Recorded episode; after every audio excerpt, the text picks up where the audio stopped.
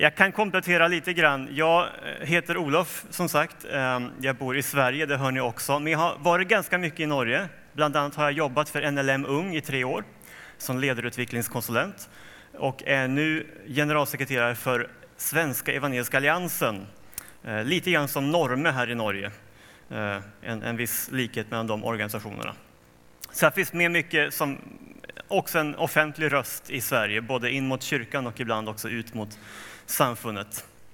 Ehm, och jag har jobbat med de här frågorna en del eh, och det blir ju lite annorlunda stil på det här föredraget jämfört med Sam Alberys. Eh, det var väldigt fint att lyssna till Sam. Eh, jag har läst någon av hans böcker tidigare. Jag tycker det här han hade om celibacy eller singelskap är bland det bästa jag har hört på det ämnet i alla fall. Jag kommer att utforska lite andra typer av frågor, kanske sånt som ligger mer i förlängningen av det här med homofili och samkönade relationer. Eh, trans och queer eh, är ju liksom de sista bokstäverna på eh, HBTQ som vi säger i Sverige, LGBT säger ni, eh, men Q kommer ju efter T även här om man har en lite längre lista. Så det blir inte en lika uppbygglig bibeltimme det här, som vi nyss har haft. Eh, jag beklagar det på ett sätt, men jag tror att, att det vi ska tala om nu är ganska viktiga eh, pusselbitar om vi ska förstå helheten kring det här med LGBT i vår tid. Och som sagt, vad som händer också i förlängningen när samfundet och även ibland kyrkan eh, går en annan riktning än den klassiska i de här frågorna. Men vi ber en bön innan vi ger oss in i detta. Tack Jesus för den här dagen och den här konferensen. Eh, tack för allt gott som vi redan har fått lyssna till. Ehm, och nu ber vi att du är med oss också under det här eh, passet. Kom och vägled oss, tala till oss, utrusta oss. Det ber vi i ditt namn Jesus. Amen. Jag tar gärna något slags avstamp i Bibeln ändå och jag tänker så här att Egentligen ända sedan Edens lustgård eh, har det varit två grundläggande tankesystem som liksom har krockat med varandra i den här världen, varit i strid med varandra. Det ena tankesystemet är det som är inspirerat av Gud. Det sätter skaparen, Guds vilja, i centrum av tillvaron. Det har sin glädje i Guds lov, som det står i, i Bibeln. En glädje i vad Gud har sagt. Det andra tankesystemet, som står i opposition mot det, det är inspirerat av ormen, djävulen.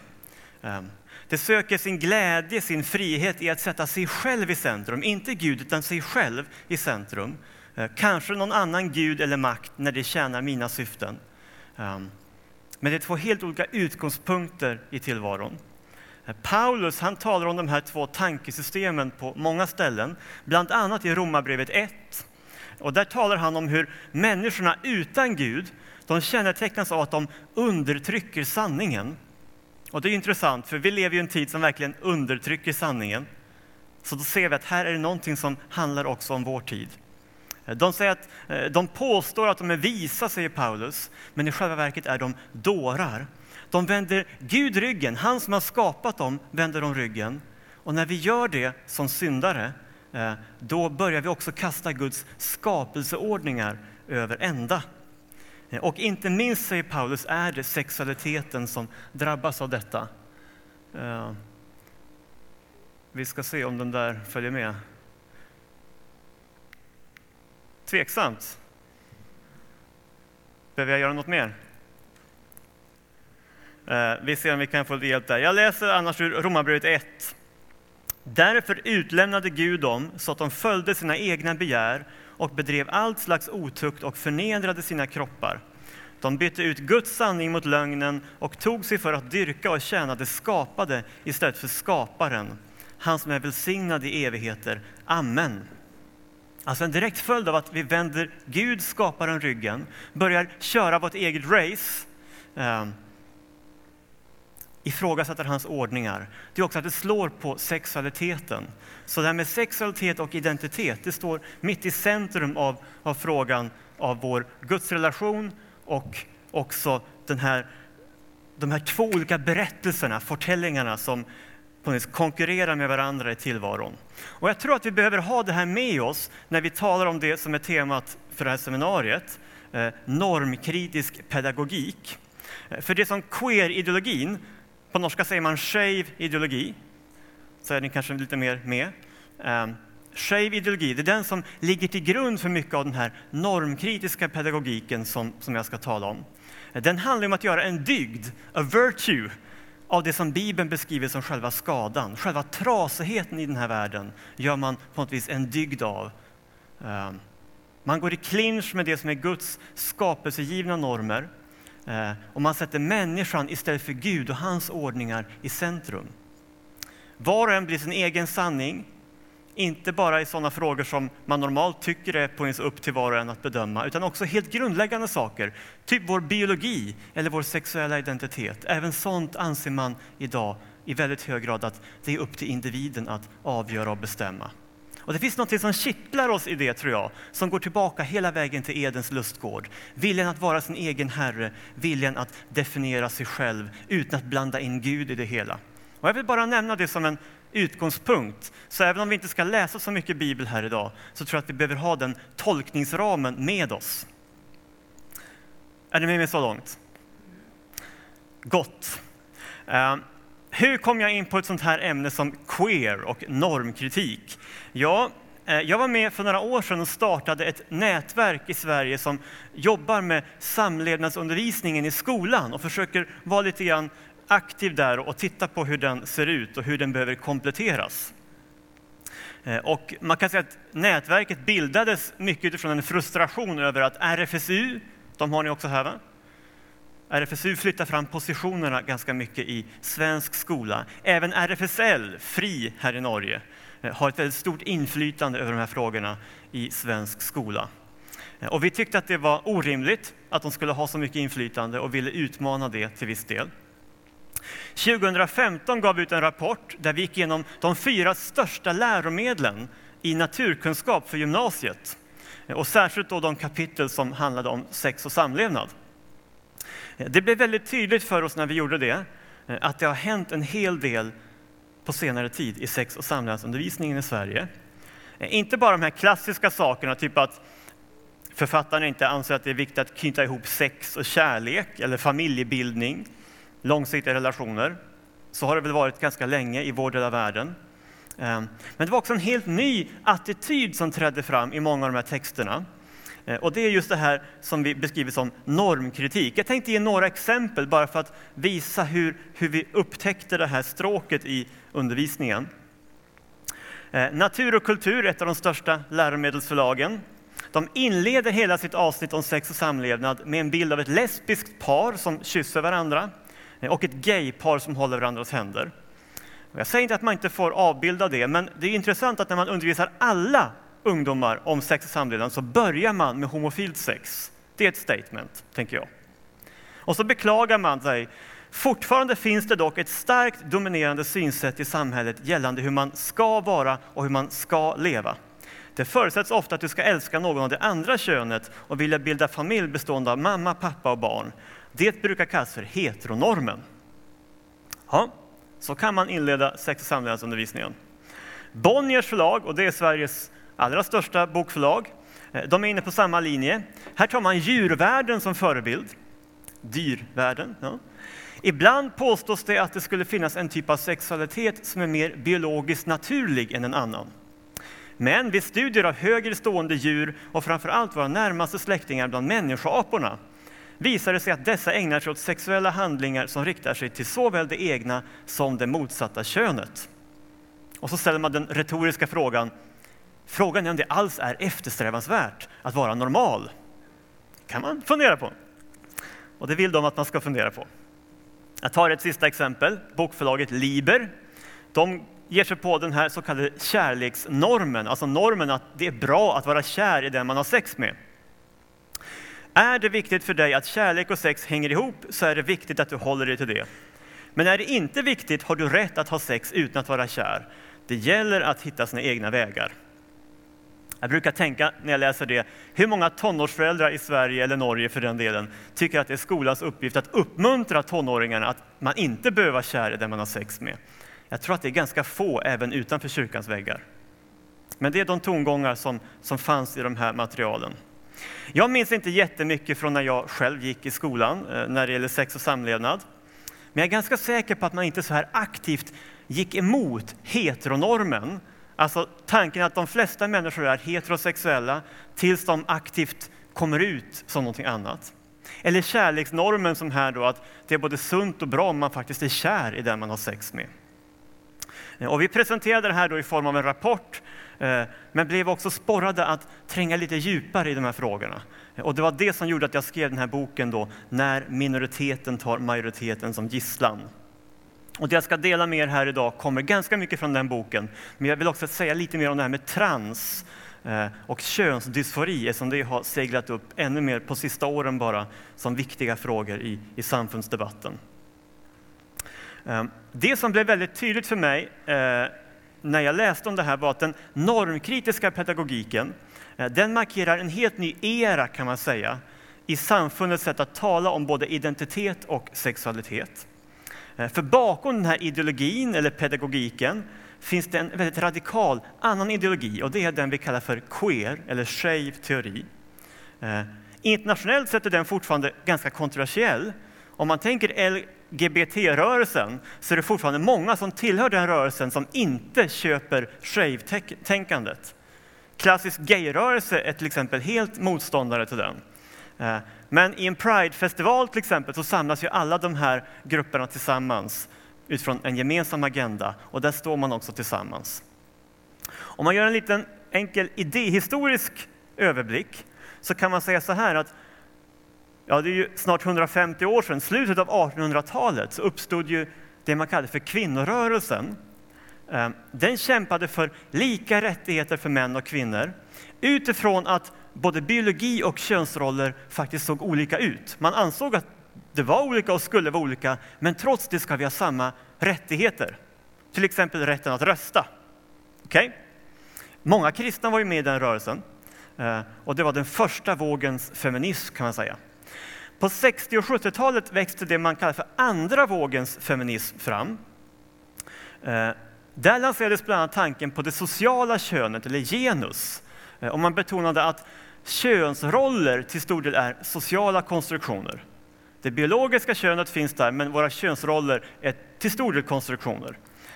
Många kristna skulle hålla med om en hel del där, men det går också att dra frågan ganska långt, så att i alla fall inte jag håller med längre. Eh, men feminismen har ju präglat vårt moderna samfund oerhört mycket. Det vi då behöver ha klart för oss är att queer-rörelsen och ganska mycket faktiskt också av dagens feminism, man talar till exempel om den tredje och till och med fjärde vågens feminism ibland. Den talar om både det biologiska könet och det sociala könet som konstruktioner. Inte bara könsrollen, utan hela vår, vårt könsidentitet är en konstruktion utifrån queer-tänkandet. Och det gör ju att man kan förneka sådana här grundläggande normer som tidigare har varit självklara i samfundet. Till exempel heteronormen, tvåkönsnormen, alltså att det är två kön, manligt och kvinnligt. Tvåsamhetsnormen, att det är gott och eftersträvansvärt att en man och en kvinna möts och kompletterar varandra i en relation. Man ska inte vara tre eller åtta personer i en kärleksrelation. Tvåsamhetsnormen. Eh, I Sverige är det just RFSL och RFSU eh, som har varit pådrivande i det här. Och det är klart, utgångspunkten är ju på ett sätt fin, eh, för den bygger på en erfarenhet hos många sexuella minoriteter av att man känner sig lite i underläge. Man upplever sig som annorlunda och tycker att det är jobbigt att känna sig annorlunda. Ehm, och då har liksom poängen varit att om vi, inte säger, om vi säger att ingenting är normalt, om allting är lika flytande, allting är lika udda, lika queer. Queer betyder ju udda. Ja, men då kan ju ingen så att säga dominera någon annan. Då finns det ingen majoritet som tolererar en minoritet, utan alla är på, på samma nivå. Ingen är mer normal än någon annan. Det finns en logik i det, eller hur? Och man kan så säga att ja, men det är skönt som minoritet att bara kunna slappna av. Ja, men vi är alla lika olika, som man ju ofta också säger i vår tid. Och queer bygger helt enkelt på tanken att min identitet och min sexualitet är flytande. Så jag kan ha en, en period då jag betecknar mig som heterosexuell, en annan period då jag kallar mig kanske homosexuell eller till och med transsexuell och så kan jag gå tillbaka på samma skala. Lite grann beroende på period i mitt liv. Vissa skulle säga dagsform till och med, men det är väl kanske lite vanvördigt. Eh, och notera att det här är en helt annan ideologi än klassisk gayrörelse som har betonat kanske till och med att man anser att man är född som homosexuell. Det är en helt meningslöst påstående utifrån queertänkande, för jag kan ju byta min identitet nästa vecka om jag vill. Eh, så här ser vi också att de här olika ideologierna krockar faktiskt med varandra. Men alla finns parallellt i dagens samfund. Eh, en svensk socialantropolog, Fanny Ambjörnsson, om man läser hennes texter på alla svenska genusutbildningar, hon skriver så här. Queer, både som politisk rörelse och som teori, uppmärksammar en rad förhållanden i samhället som har att göra med genus, sexualitet och makt.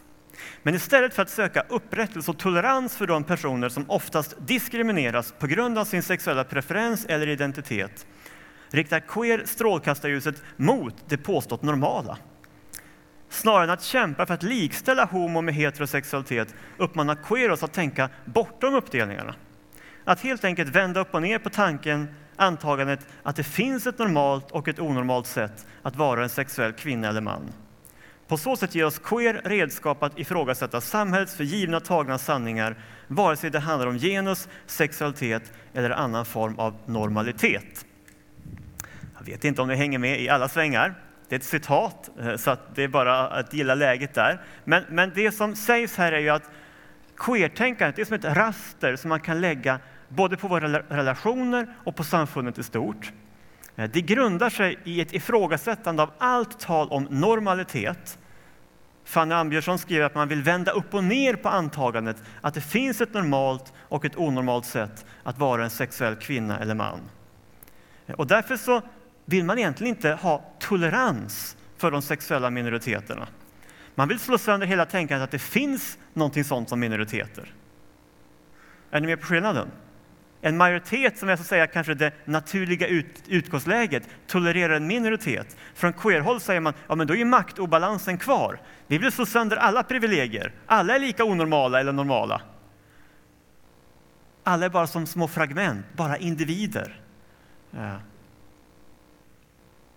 Och det är klart, det är en radikal ideologi och jag ska snart visa vad det får för konsekvenser. Men jag har ett citat här också från en kvinna som jobbade vid Svenska Skolverket eh, som beskriver det väldigt bra, tycker jag. Verksamheter inriktade på att stävja diskriminering och kränkningar genom att öka barnens och elevernas tolerans riskerar att istället befästa vissa kategoriers maktposition på bekostnad av andras. Anledningen är att toleranspedagogiken riskerar att peka ut den andra, till exempel den homosexuelle, som avvikaren vilket därmed upprätthåller heterosexualiteten som dominerande och privilegierande. På så sätt tas heterosexualiteten för given och blir osynliggjord i skolan. Den heterosexuella normen återupprepas och görs naturlig inom skolans väggar. Och det är det värsta man kan tänka sig utifrån det här tänkandet, att det skulle vara naturligt att vara heterosexuell. Ehm, därför överger man i Sverige idag på bred front hela toleranstänkandet Tolerans har blivit ett fult ord i många sammanhang. Och hela antidiskrimineringsarbetet, antimobbningsarbetet utgår från normkritiken, där man egentligen försöker skola om hela befolkningen att det finns inget naturlig utgångspunkt för någon. Alla är bara individer och ingen är mer normal än någon annan. Ett stort projekt. Ehm, men man är ivrig i kampen. Ehm, det finns också en parallell faktiskt till handikapprörelsen och jag vet inte hur det ser ut här i Norge. Eh, men förr sa man ju att man hade en funktionsnedsättning till exempel, eller ett handikapp. I Sverige har man mer och mer gått över till att tala om funktionsvariation. Känner ni igen det? För mig att det är stigmatiserande att säga att det är ett handikapp eller en funktionsnedsättning. Om jag inte hör med min hörsel så, så är jag lika normal som alla andra. Eh, det är bara en variation på en skala. Det är samma tänkande där.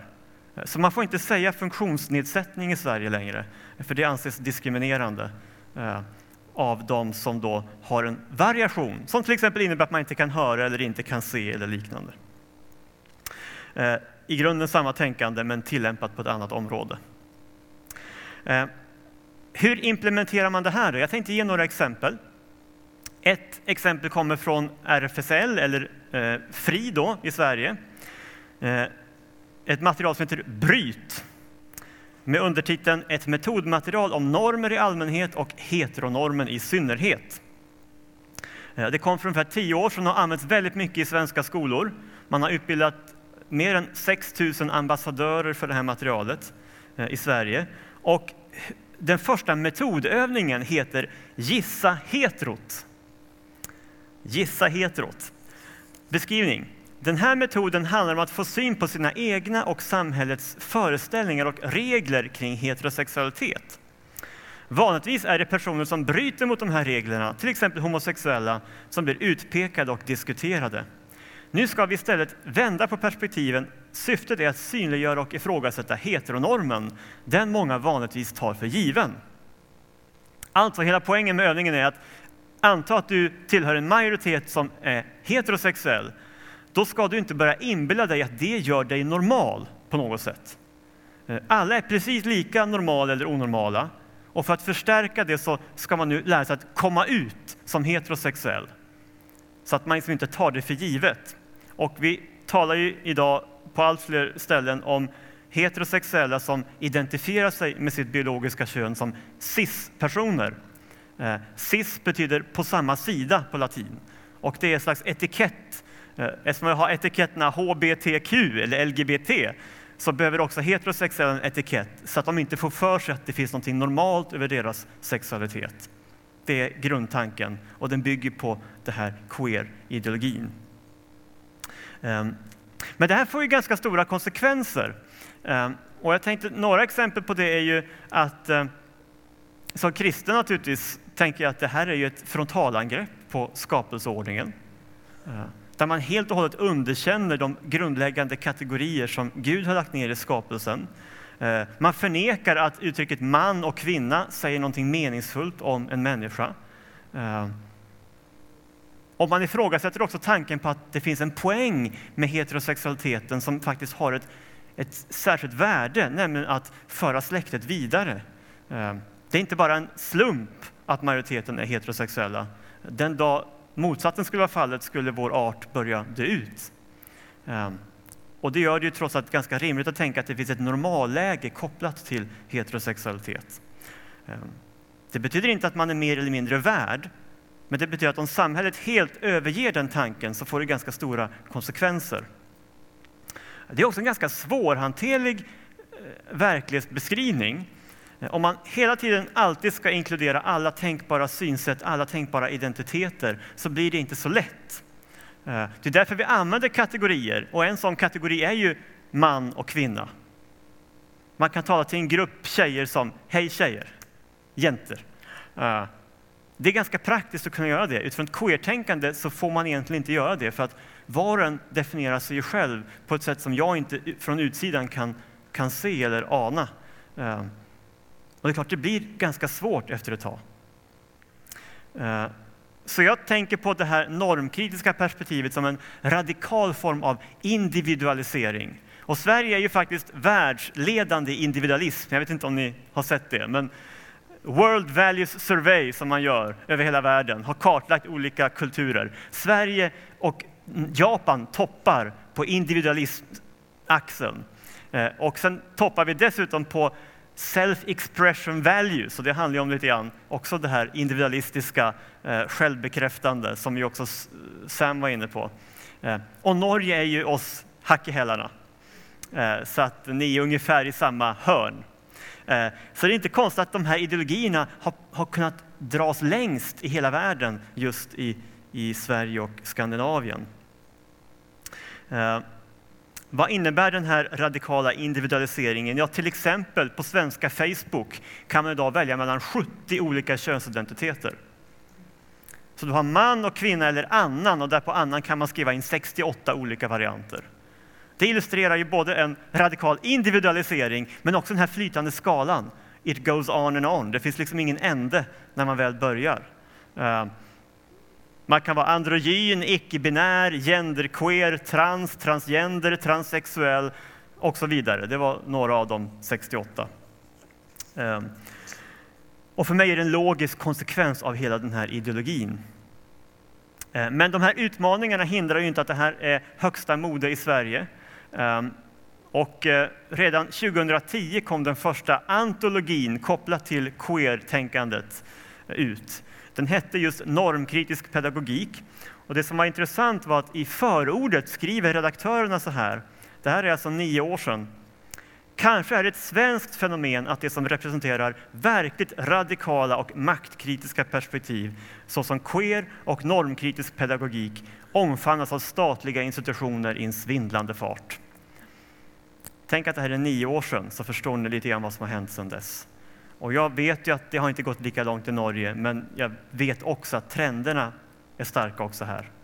Eh, så vi får väl se vart det tar vägen. Och här behöver vi som kristna vara rustade, inte minst med att förstå vad det är som ligger bakom. Det är inte bara nya värderingar, det är en helt ny ideologi. Och tro inte att det här bara är klassisk fortsättning på eh, LGB, eller gayrörelsens sätt att arbeta. Den är ganska marginaliserad i dagens LGBT-rörelse. Eh, nu är det andra ideologier som tar över. Queer och trans inte minst. Jag ska ge några konkreta exempel på hur det här kan yttra sig. Eh, Svenska diskrimineringsombudsmannen, det är en statlig myndighet, eh, gav ut för några år sedan, 2015, dokumentet Lika rättigheter i förskolan, alltså barnehagen. Lika rättigheter i barnehagen. Ny reviderad upplaga 2015. Och där kan man läsa sådana här saker till alla svenska förskolepedagoger. Om ni planerar aktiviteter i flick och pojkgrupper, tänk över syftet. Var medveten om att det kan bidra till att upprätthålla och befästa tvåkönsnormen och innebära en risk för att barn upplever arbetssättet som missgynnande och kränkande. Se till att det finns könsneutrala toaletter så att barnen inte måste välja mellan flick och pojktoaletten.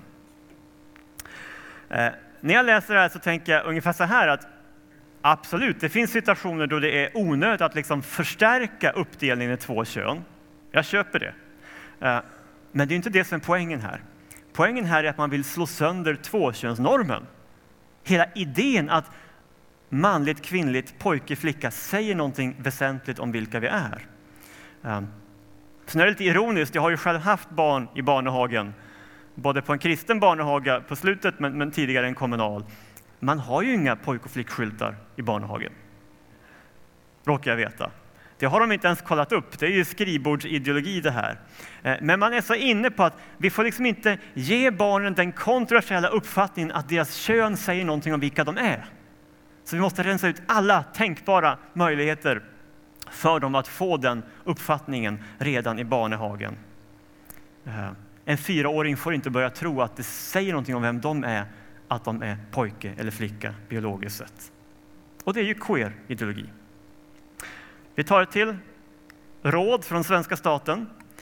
Eh, förskolan kan främja barns lika rättigheter och möjligheter oavsett sexuell läggning genom att se till att frågor rörande homo, bi och heterosexualitet på ett likvärdigt sätt blir behandlade och integrerade i verksamheten.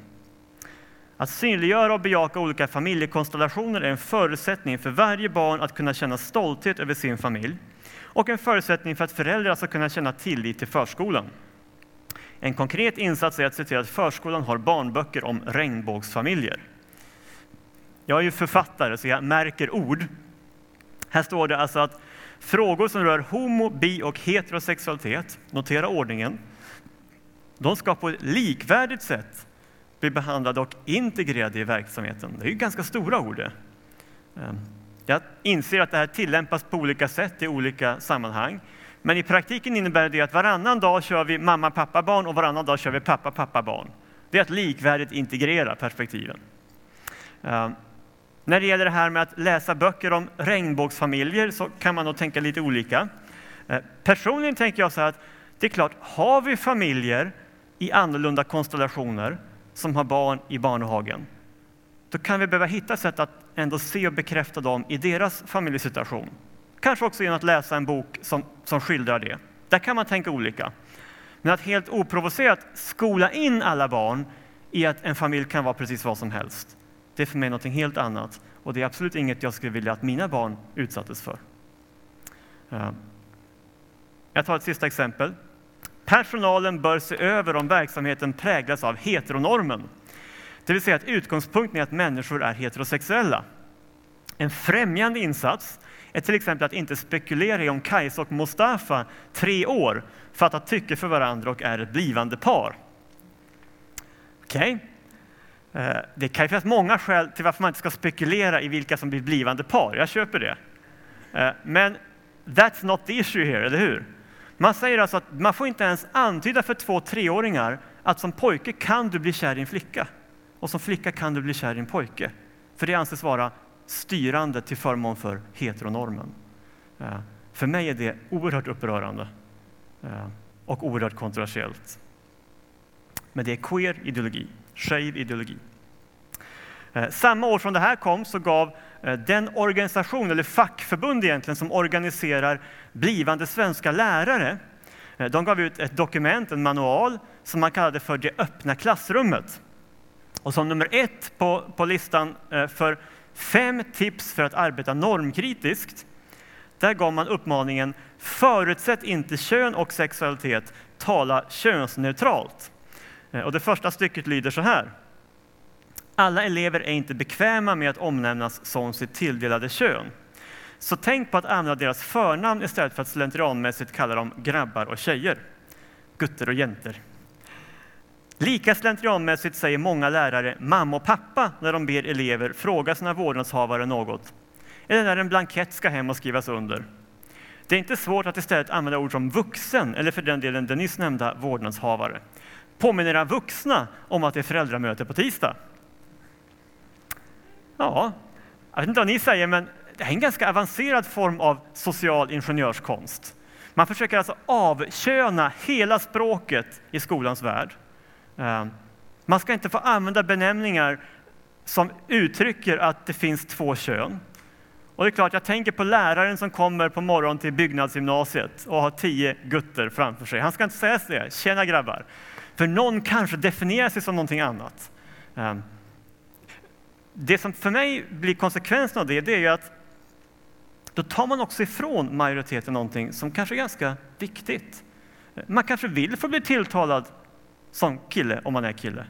Eh, man kanske vill att de här vuxna där hemma faktiskt ska kallas för föräldrar, för de är inte bara några random vuxna som hänger där hemma, utan det är mamma och pappa, eller åtminstone är det min, någon av dem är biologisk pappa. Och, ja, ni förstår poängen. Och det är också intressant, det här dokumentet är på 28 sidor.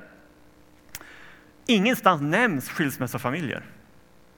Jag tänker, det är ju en självklar referens om man ska diskutera hur, hur de vuxna där hemma ska benämnas. Eh, för det är oändligt mycket vanligare än att man har tre mammor där hemma. Eh, men de är så inställda bara på LGBT-perspektivet att de ser liksom ingenting annat än det. Eh, och alla ska dansa efter LGBT-rörelsens pipa. Men värst av allt, och det är det som gör mig personligen nog mest engagerad i det här, det är att om man tänker att det tidigare fanns en djupgående brottning kring identiteten hos en ganska liten grupp. Tänk kanske 5 procent som har en lite tuffare resa kring det här med identitet och sexuell identitet. Och varav många sen landar i att man kanske är homo eller bisexuella. Jag har all respekt för att den brottningen är tuff. Eh, men det man gör här är att man nästan tvingar alla att göra den brottningen. För ingen får ju ta för givet att man är det man ser ut att vara när man tittar i spegeln. Och heteronormen ska krossas till varje pris. Då drar man in alla hundra procent i en brottning som tidigare kanske bara gällde 5 procent. För mig är det ett övergrepp på den unga generationen och ett område där vi verkligen behöver säga ifrån, eh, både som samfund och som kyrka. Eh, och jag har till och med läst en annan antologi på temat som, som aggressivt ifrågasätter tanken på att det är bra att ha ett stabilt och sammanhållet jag Alltså en liksom solid identitet, ett stabilt och sammanhållet jag. För det går emot queer-ideologins tanke på att allting flyter. Och när jag läser det tänker jag så här, vänta nu, vad är det psykologen har ägnat hela 1900-talet åt? Jo, men det är att hjälpa människor att få ett stabilt och sammanhållet jag. Man har det lite rörigt, man har en del att brottas med. Ja, men vi hjälps åt här och tar dig på vägen att det är själva fiendebilden utifrån ett queer-tänkande. Att få ett stabilt och sammanhållet jag. Eh, tiden är begränsad så jag kan inte ge så många fler exempel här och nu. Eh, ni vet att boken finns om ni får mer smak. Eh, men jag vill nämna ett par saker bara till kring detta med queer. Eh, dels innebär den i praktiken ett, en sexualisering av alla våra relationer. Jag tycker Sam tog fram det väldigt fint när han talade om intimitet, att intimitet faktiskt är tänkbar utan eh, sexuellt begär. Eh, det är någonting vi har tappat mycket i vår kultur.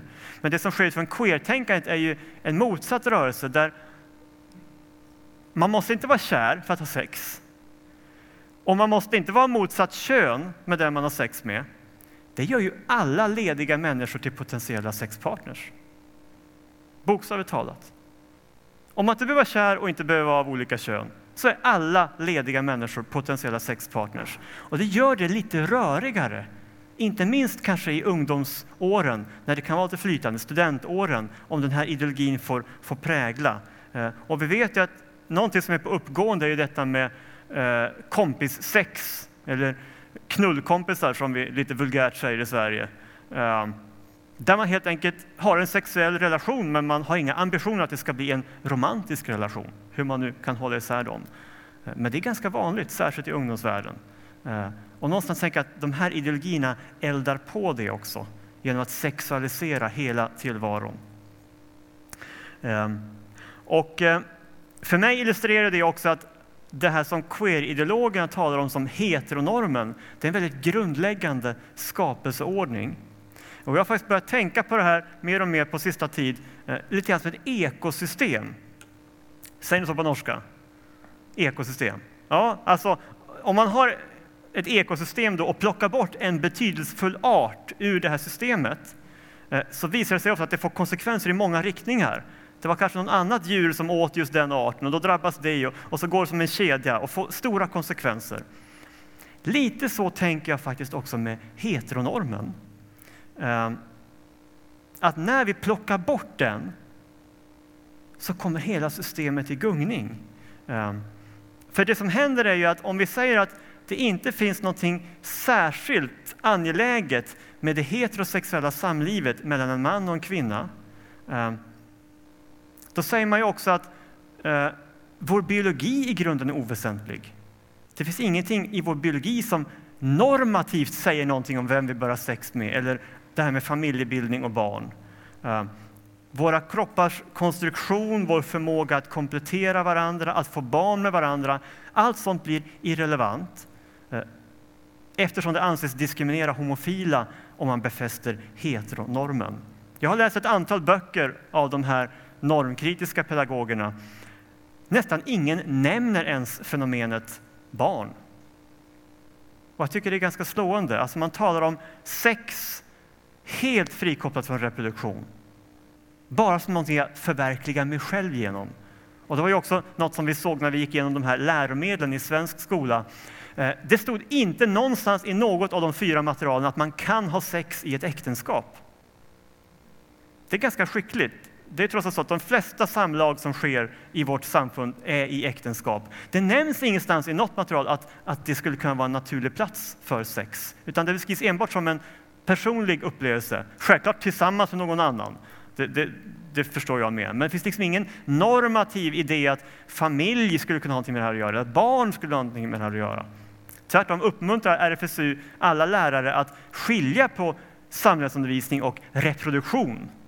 Att tala om det någon annan gång i ett annat ämne. Blanda inte in det här med barn och reproduktion när ni talar om sex. Eh, och jag tänker att vi håller på att konstruera om de här normerna på ett sätt i västvärlden nu som faktiskt också skapar störningar i ekosystemet globalt sett. Jag tänker på våra syskon nere i Afrika som tack vare Bibelns undervisning har kunnat få kraft och motivation till att motarbeta polygamin. Eller hur? Ett utbrett fenomen i många kulturer, men inte minst i Afrika och inte minst i muslimvärlden naturligtvis. Eh, men där har man sagt, nej men vänta nu, det finns en skapelseordning här där Adam och Eva är förebilder för alla människor och en man och en kvinna bildar en pakt tillsammans. Och det är någonting Gud har tänkt med det. Nu säger vi i västvärlden, men det behöver inte alls vara Adam och Eva eller en man och en kvinna. Det kan lika gärna vara två killar eller två kvinnor. Och så för sent inser vi, om vi ens inser det, att vad gör vi då? Vi drar fullständigt undan mattan för hela kampen mot polygami nere i Afrika.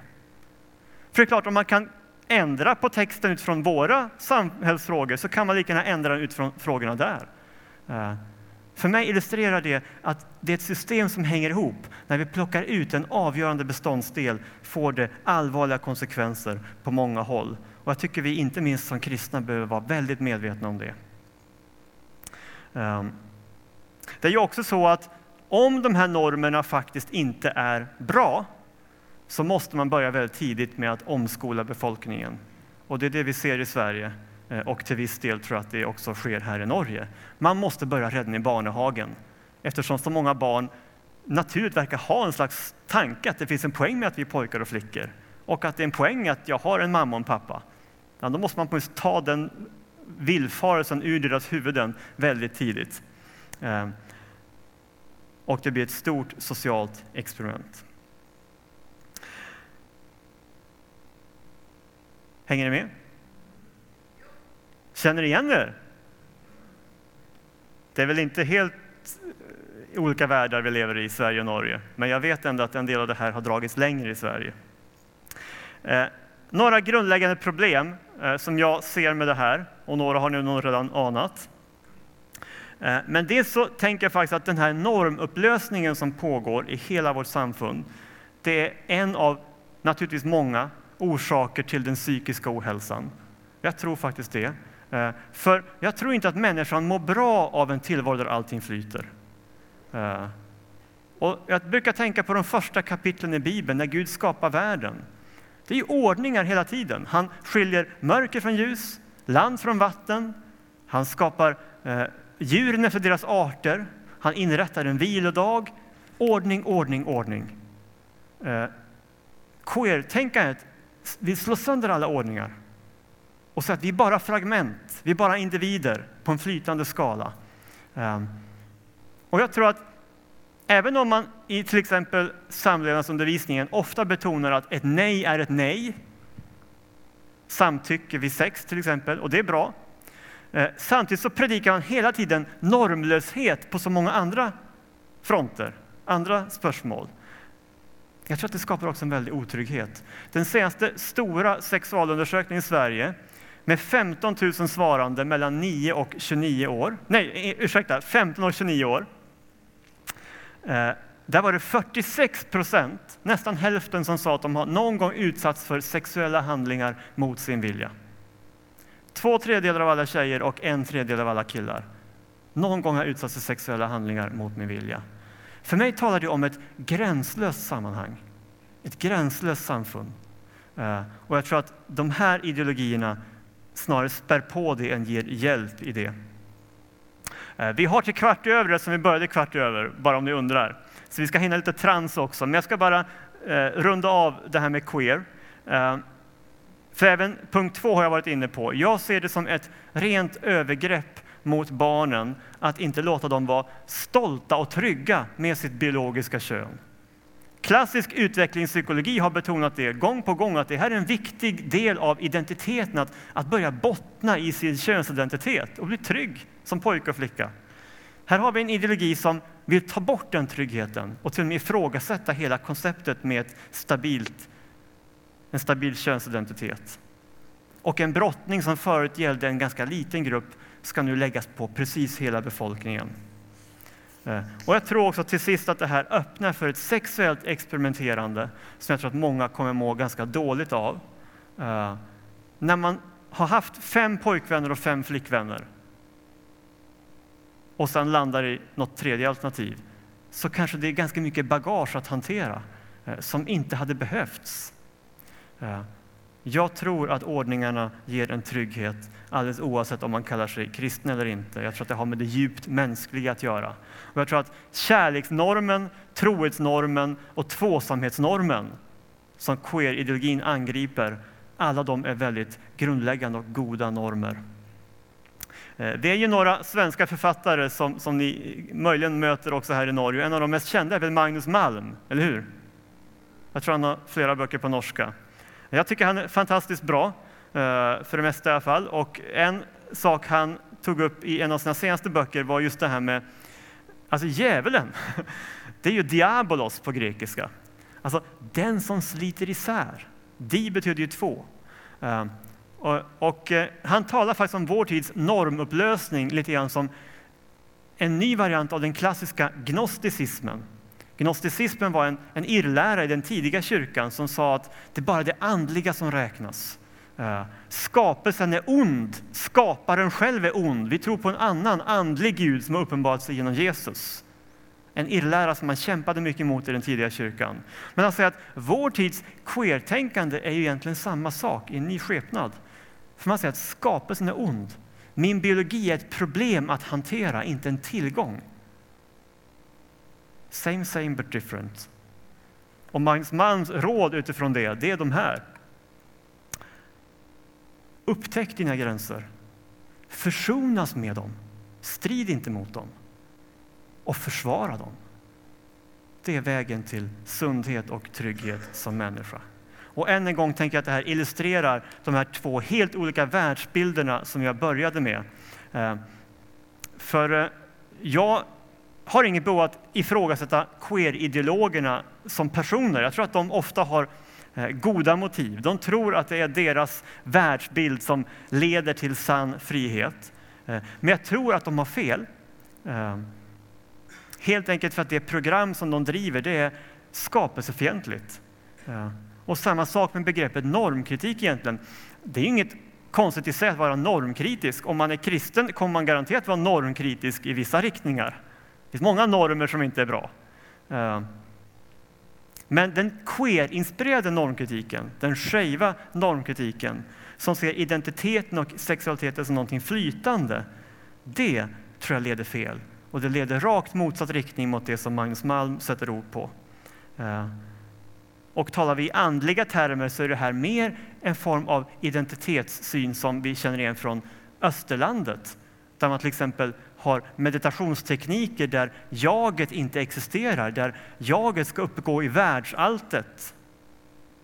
Där det faktiskt inte finns någon identitet, utan allt är bara Brahman. Och det ska jag genom meditationsövningar lära mig att inse och försvinna. Det är ett österländskt andligt tänkande som faktiskt har smugit sig in genom queer-ideologin i västvärlden. Så det finns absolut också en andlig laddning i allt detta. Eh, jag tänkte säga någonting om det här med trans också, om ni orkar. Ja, men vad bra. Eh, så blir det Q&A senare. Vi kanske hinner någon fråga, men, men jag vill ta in i det för att det har blivit så centralt bara de senaste par, tre åren egentligen. Eh, transsexualitet. Vi hade, eller Sverige stod värd för Europride förra året, den, den stora europeiska Pride-festivalen. Och där var det faktiskt trans som var temat för Europride, både i Stockholm och Göteborg. Och jag brukar göra skillnad när jag talar om trans eh, mellan trans som diagnos och trans som ideologi. Eh, för det är två ganska olika saker. Eh, diagnosen transsexuell den är ju egentligen ursprungligen i alla fall extremt sällsynt. Eh, men det handlar om personer som ända sedan sin barndom har upplevt att de är födda i fel kropp. Ehm, det finns ingen helt säker statistik när det gäller det här. Traditionellt har man brukat säga att det är ungefär en person på 10 000 som är medicinskt transsexuell. Eh, och man talar ofta idag om, om den diagnosen som könsdysfori gender dysphoria. Eh, det finns vissa som får den diagnosen där man också kan, kan få hormonbehandling och ibland också könskorrigerande operationer. Eh, det är ett kapitel för sig. Jag säger inte att det behöver vara fel. Det är en väldigt liten grupp med en väldigt unik situation. Och, jag är medveten om, om svårigheterna att liksom, vad är bästa sättet att, att tänka kring det. Eh, men det som har hänt idag det är att trans också har börjat påverka många, många fler människors sätt att se på det här med kön. Om man går in på RFSLs hemsida i Sverige, eh, då ser man att de talar om trans som ett paraplybegrepp med många undergrupper.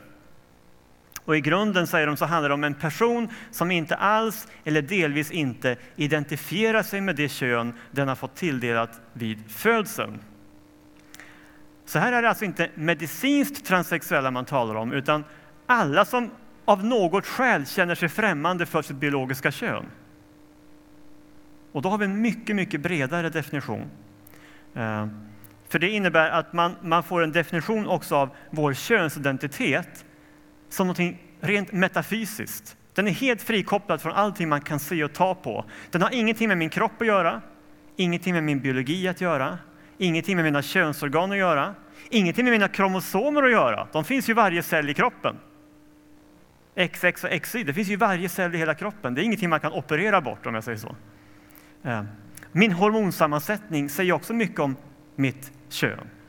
Utifrån transideologin så är allt irrelevant. Det är bara vad jag tänker här inne som spelar någon roll. Det är en ganska radikal syn på kön, minst sagt. Och här, här hör ni också att det finns skillnader mellan trans och queer. För trans betonar ju att man verkligen kan ha ett tydligt kön, Eh, men det är bara helt frikopplat från min biologi. Queer betonar mer att allting flyter. Så det är lite olika nyanser i de olika ideologierna. Vad ser jag då som problem med den här ideologin? Ja, precis som med queer får vi en definition av kön och könsidentitet som på något existerar helt oberoende av biologiska fakta. Eh, man ser våra skapelsegivna förutsättningar som ett hinder att ta sig förbi, inte den naturliga grunden för min identitet. Jag söker inte min vila i vem jag objektivt sett är, vad min kropp säger att jag är, utan det blir ett hinder att ta sig över i mitt självförverkligande. Eh, och det gör ju också att det här bryter av mot all traditionell utvecklingspsykologi. För den säger just detta att vår identitet som gutter och jenter är helt grundläggande för de allra, allra flesta människor. Det förkastar man utifrån trans och även queer-ideologin. Det gör ju också att begreppet man och kvinna förlorar mycket av sin mening. Eh, eller manligt och kvinnligt. Eh, jag menar, om, om ingenting objektivt säger någonting om vem jag är, vad är då att vara man eller kvinna? Eh, och det här gör ju att eh, här har ju i flera länder transaktivister och feminister clashat. Vet inte om ni har hört om det? Men det är ju en ganska rejäl fight, för här har ju de så kallade radikalfeministerna vaknat upp och insett att vänta nu, om transrörelsen får sätta agendan, då är det ju det slutet på all feminism. Det är helt meningslöst att kämpa för kvinnors rättigheter om det inte finns något sånt som kvinnor. Eller hur? Om det är ingen, ingen objektiv sanning bakom att vara kvinna, eh, utan det är bara in the mind, ja men då, då blir det en helt annan typ av kamp kring de sakerna kan man säga. Ehm, och eh, det har gått så långt som att eh, i Sverige så är det många kända feminister som knappt kan vara ute och föreläsa längre, för det är alltid någon transaktivist som ställer sig upp och säger ja men transkvinnorna då? Eh, och det blir på hela debatten blir kapad, hijacked. Eh, och eh, det är ett stort debattämne. Det var på kultursidorna förra året i, i de stora tidningarna en, en rejäl fight kring detta. Och det är lite uppfriskande, för det är inte alltid man känner att radikalfeministerna är på så att säga, kyrkans sida i, i sådana här frågor. Eh, men här är det faktiskt så. Och som sagt, det tycker jag själv är lite uppfriskande. Även här ser vi då att transideologin skapar en, en osäkerhet i den unga generationen. Eh, även i vanliga fall är det ju väldigt många unga som brottas med sin identitet. Det är väldigt naturligt, för man är i en fas då det händer mycket i både kroppen och sinnet. Ehm, men eh, med den här ideologin så blir det väldigt svårt att hitta en vila i sitt biologiska kön. Eh, och det som sagt leder också till att många i onödan går och tror att de är något annat än det som deras kroppar säger att de är. Ehm, hur yttrar sig det då? Jo, men det är också väl omtalat vid det här laget. Eh, utredningen till så kallade könsidentitetsutredningar har fullständigt exploderat i stora delar av västvärlden. Det här är de svenska siffrorna från Astrid Lindgrens barnsjukhus i Stockholm. De snittade på ungefär 24 per år eh, fram till 2012. 116 eh, stycken 2015 och 200 året därpå. Eh, alltså en fullständig explosion. Eh, och man har också på senare tid eh, börjat se ett fenomen som experterna kallar för Rapid Onset Gender Dysphoria. Och det är min sista slide. Ett ganska nytt forskningsfält. Här handlar det om könsdysfori som uppstår väldigt sent i livet, ibland till och med efter tonåren. Traditionellt har transsexualism visat sig väldigt tidigt, ofta när man är kanske 3, 4, 5 år. Eh, att man har ett könsatypiskt beteende, som det heter. Eh, rapid onset gender dysphoria dyker upp eh, under tonåren eller efter tonåren och för omgivningen uppfattas det ofta som att det kommer totalt out of the blue, som en blixt från klar himmel, utan att omgivningen känner sig förberedd på det. En stark överrepresentation bland tjejer, vilket är intressant eftersom klassisk transsexualism är klart överrepresenterat bland män. Här är det precis motsatt och ännu starkare överslag av tjejer. Också väldigt många av dem har andra psykiatriska diagnoser, ofta flera, men en vanlig är att man eh, har inom autismspektrat. Eh, och autism ger ju ofta just en viss främlingskap för den egna kroppen och det är ju också intressant här, att någonting verkar hänga ihop i det. Eh, slutligen har man också sett att det är väldigt vanligt att man har en eller till och med flera kompisar, vänner, som själva har kommit ut som trans. Så man talar om peer contagion, alltså en social smitta. Man inspireras av varandra.